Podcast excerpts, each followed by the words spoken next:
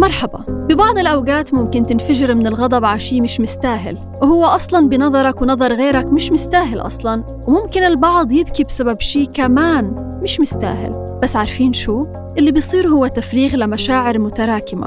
اللي عصب عشانك وقعت الكاسة أو نسيت شي بسيط هو مش معصب منك بس مشحون من شي تاني. واللي بكت عشان أجاها الشاي بلا سكر هي مش زعلانة على هالشي بل فرغت مشاعرها بالوقت الغلط. ولأنها تجاهلت وكبتت مشاعر قديمة.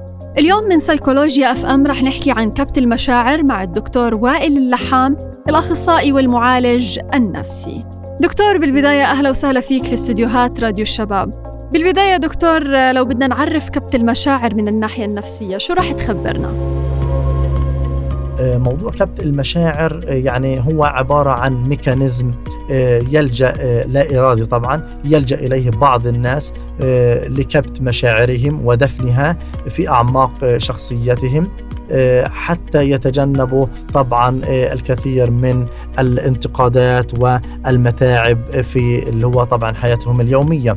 فهذا ميكانيزم لا شعوري لا إرادي يسعى الإنسان من خلاله إلى تجنب النقد وتجنب الصدمات مع الآخرين فيلجأ إلى كبت المشاعر السلبية لديه وعدم الإفصاح عنها آه، حتى يشعر بالراحة. لكن هذا هذه المشاعر أو هذا الأسلوب الذي يلجأ إليه البعض هو يظن خاطئا طبعا أنه بذلك يعني قد تجنب الكثير من المتاعب والألام إلا أنه في هذه الحالة يكون مخطئا لأن مثل هذه المشاعر سرعان ما تطفو على سطح وتظهر بشكل طبعا آه، أكثر حدة وأكثر سلبية من ذي قبل. نعم، طب شو اللي بيترتب على كبت المشاعر خاصة المشاعر السلبية؟ من الأثار المترتبة على كبت المشاعر يترتب عليها الكثير من آه، الأمراض النفسية والاضطرابات النفسية إن صح التعبير والكثير من الأثار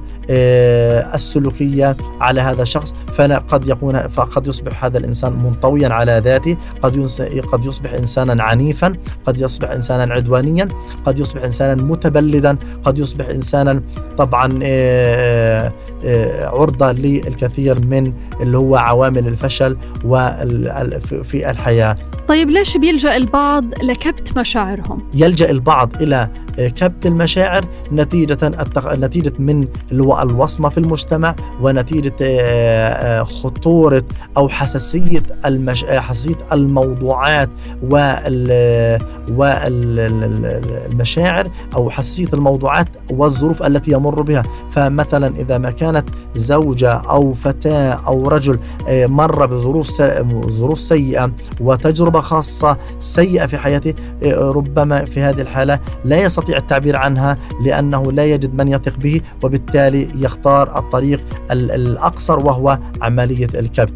لذلك نقول دائما أن عملية الكبت ياتي آه، أو تأتي لحظة مهمة وقاسمة في حياة الإنسان هي قد تكون لحظة الانفجار بعد الكبت المستمر. يعني بالختام دكتور كيف ممكن نفرغ مشاعرنا المكبوتة بشكل صحيح؟ دائما ننصح الأفراد، ننصح الناس، ننصح الجميع بأن دائما أن يعبروا عن مشاعرهم باستمرار ويعني ليس بالضرورة أن يعبروا إلى أي شخص إنما يختاروا أشخاص آه، ذوات ثقة عالية بالنسبة لهم وأن يعبروا عن مشاعرهم بحيث ان بحيث لا تكبت هذه المشاعر وتظهر بشكل عدواني آخر على شكل إيه؟ قد تكون انتحارات عند البعض أو قد تكون إلى اللجوء إلى المخدرات أو تكون اللجوء إلى السلوكيات العدوانية أو المدمرة مجتمعيا أو قد تنعكس على مدى التماسك الاسري داخل الأسرة فيلجأ البعض إلى إلى الطلاق أو إلى الانفصال أو إلى